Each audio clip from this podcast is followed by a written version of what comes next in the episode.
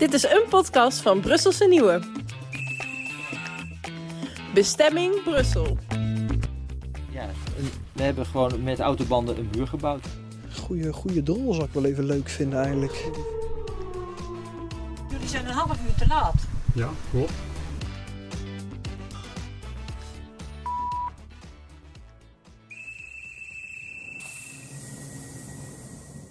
In bestemming Brussel reizen we van Noord naar Zuid-Nederland richting de Europese hoofdstad. Elke provincie in Nederland heeft zo zijn verlanglijstje voor Brussel. Onderweg gaan we ontdekken wat elke regio voor elkaar hoopt te krijgen in de Europese Unie. Mijn naam is Bas van Eijsten en in deze aflevering zijn we in het midden van Nederland. Daar gaat het over de komst van de wolf en over PFAS. Goedemiddag beste reizigers, dit is versie nummer 18 en aan station Apeldoorn. Kom binnen op school 4.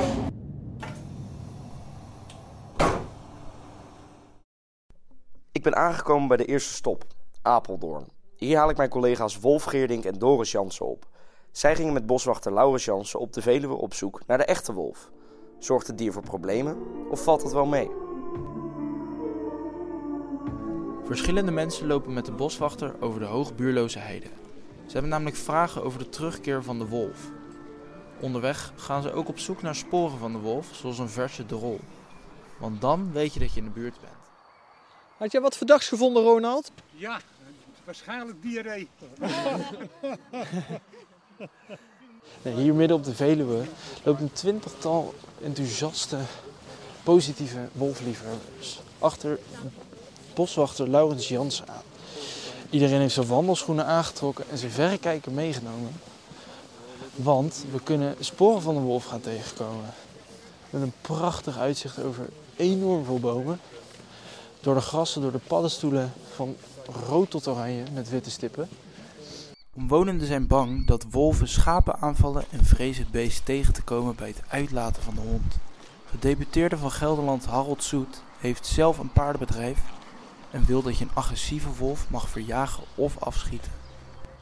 Nou, als je nou bij onze stallen ziet, dan heb je halve deur. Dan hebben we de bovendeur open, dat de paarden die op stal staan ook gewoon naar buiten kunnen kijken. Maar er zijn mensen die dat niet meer durven, doen de deuren dicht, omdat de wolf er ook overheen zou kunnen springen en in de stal zou kunnen komen. De Europese Unie kan regelen dat je een agressieve wolf mag verjagen of afschieten. De wolf heeft momenteel een beschermde status, waardoor dit niet mag.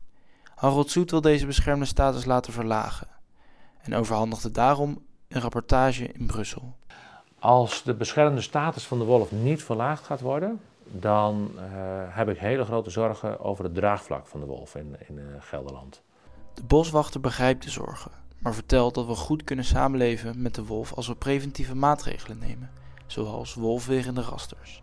Op de hoog buurloze heide werkt deze methode, want er is nog geen schaap ten prooi gevallen aan de wolf. Maar het is natuurlijk bijzonder dat een wolf er niet overheen springt. Een hond kan natuurlijk best goed springen eigenlijk, maar die wolf heeft het op een of andere manier nog niet geleerd. Uh, kijk, als er dus wolven zijn die dat leren en dat dus overbrengen aan hun welpen, dan heb je dus een situatie zoals ik in het begin vertelde, dus een wolf die, die stelselmatig dit soort maatregelen kan overwinnen. Ja, dat kan dus reden zijn om tot afschot over te gaan. Ja. Pak jij de rechterberm? Ja, links voor de drollen. Goeie, goeie drol zou ik wel even leuk vinden eigenlijk. Goeie verse, ja. Rondom het huis van gedeputeerde Harold Soet staan dan ook een heleboel hekken. Deze zijn nog niet wolfwerend, maar hij laat zien waarom aanpassingen volgens hem niet zoveel zin hebben. Kijk, hier heb je een hekwerk dat is ongeveer 1,20 meter hoog. Uh, dit zou op zich wolfwerend zijn. Maar wat je dus opvalt, uh, je hebt natuurlijk, de grond is best ongelijk. Nou, als daar een klein gaatje zit, uh, door een haas gegraven of door een das, of misschien dat je met een trekker doorheen gereden bent, en je hebt een gaatje van 20 bij 20 eronder, die wolf loopt er net zo lang omheen dat hij dat gaatje gaat vinden.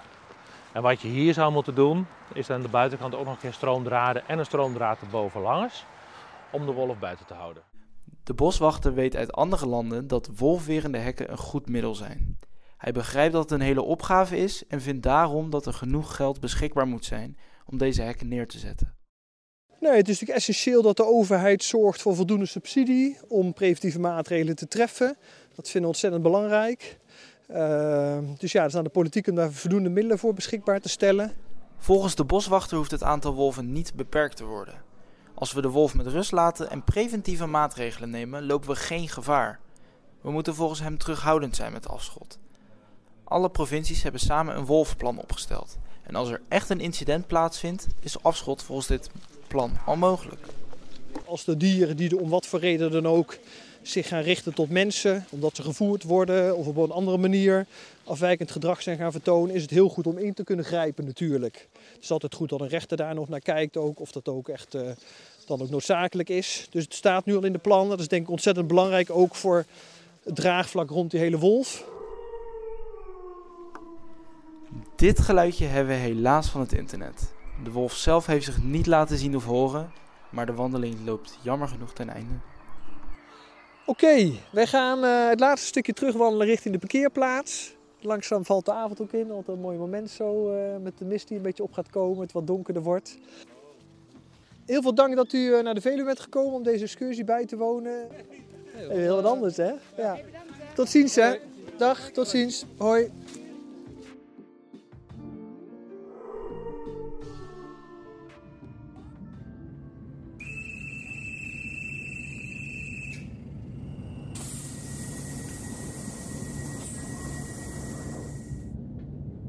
Hey Doris, jij was net op de Veluwe, maar speelt deze discussie alleen maar daar? Nee, nee, nee. Het is zeker niet iets dat alleen op de Veluwe speelt. Sowieso loopt de wolf ook rond in provincies als Drenthe en Friesland.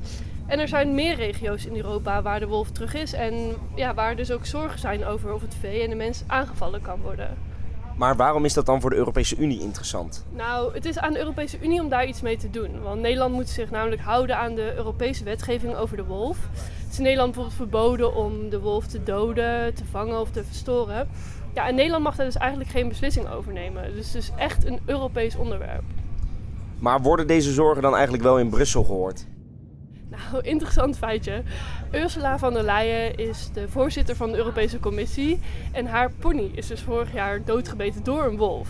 Dus ja, deze discussie komt wel heel erg dichtbij. En er wordt zelfs gespeculeerd dat ze door dit incident extra aandacht besteedt aan de wolf. Maar gaat er dan dus echt iets veranderen?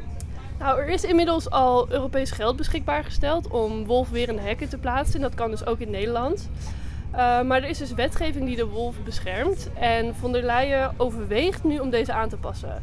Want volgens haar is de wolf in sommige regio's ja, echt een gevaar voor het vee of zelfs voor mensen. Maar deze beslissing is dus nog niet genomen. Want ja, er is best wel veel discussie over. Want volgens sommige mensen is er eigenlijk helemaal geen wetenschappelijk bewijs voor deze uitspraak.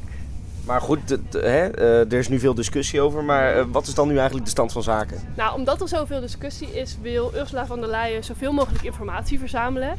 En ze heeft daarom aan betrokken partijen, zoals regionale bestuurders en wetenschappers, gevraagd of zij informatie met haar willen delen. En dit moest voor 22 september. Dus ze is daar nu mee bezig. En ja, deze informatie neemt ze mee. En op basis daarvan gaat ze bepalen of de wolf echt meer bestreden mag gaan worden. Maar goed, die beslissing is dus nog niet genomen. En uh, ja, dat is dan dus ook de relatie tussen de Veluwe en uh, Europa. Want de gedeputeerde Harold Soet, die we hebben gesproken uit Gelderland, heeft ook zijn ervaringen gedeeld met Brussel. Hij is uh, een aantal weken geleden naar Brussel afgereisd om daar documenten te overhandigen. Dus ja, het is nu ook voor hem afwachten wat er is ingestuurd en wat er mee gaat gebeuren. Want ja, die beslissing in de Europese Unie heeft dus echt invloed op de wolf in Nederland. Dus uh, nou, er is nog geen beslissing genomen. Dus daar gaan we op wachten. Nou, Doris, heel erg bedankt. En dan uh, gaan we nu door van Apeldoorn naar Dordrecht. We gaan uh, de wolf vervangen voor PFAS. Dames en heren, het eerstvolgende station is Dordrecht.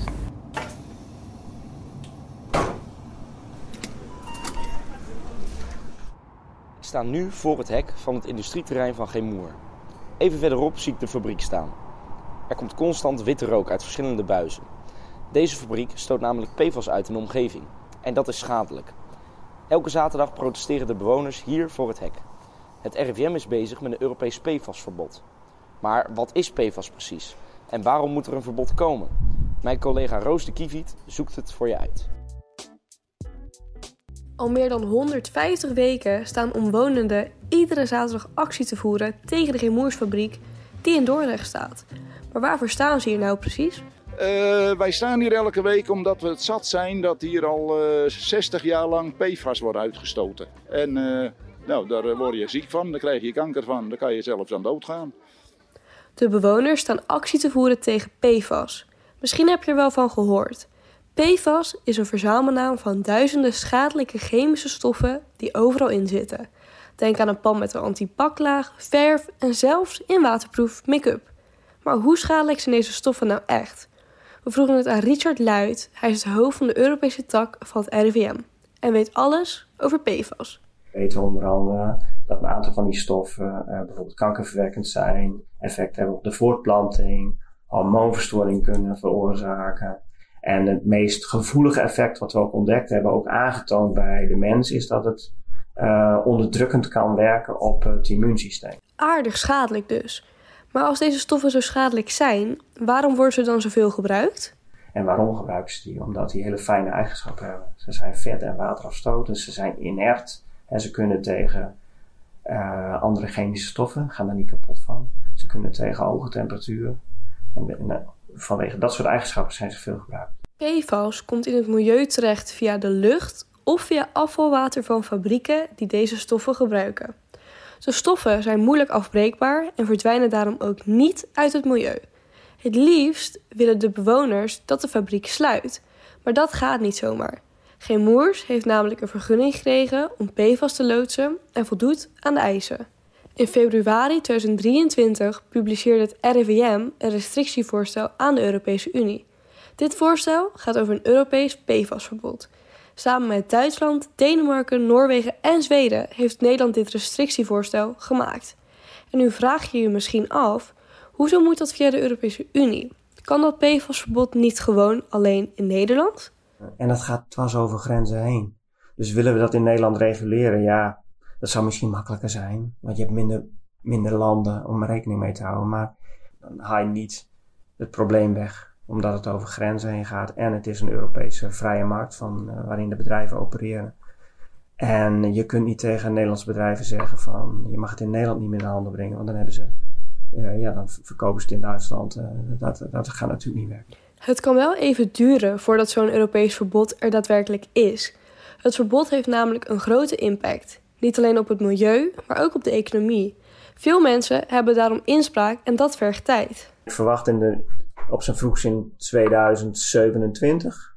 Dat uh, hè, voor het eerst die 18 maanden termijn uh, verstreken zal zijn voor de eerste toepassing. Dus bijvoorbeeld, waar we nu aan denken, voor bijvoorbeeld uh, papieren, voedselverpakkingsmateriaal, dat, dat zo'n verbod dan al van kracht zal zijn. In 2027. Maar de bewoners die zullen totdat er nul uit de pijp komt, iedere zaterdagochtend bij de ingang van de Gimoersfabriek verzamelen om actie te voeren.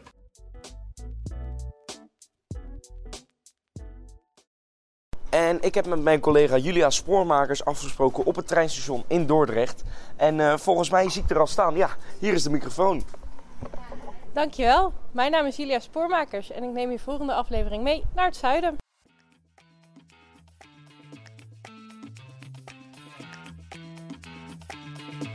Dit was de tweede aflevering van de podcastserie Bestemming Brussel. In de volgende aflevering hoor je. Zeeland heeft een, uh, een eilandenstructuur en daarmee is de bereikbaarheid wel kwetsbaar. Uh, funderingen scheuren, dat gevels uh, scheuren, dat vloer, vloeren scheef gaan staan. Bedankt voor het luisteren.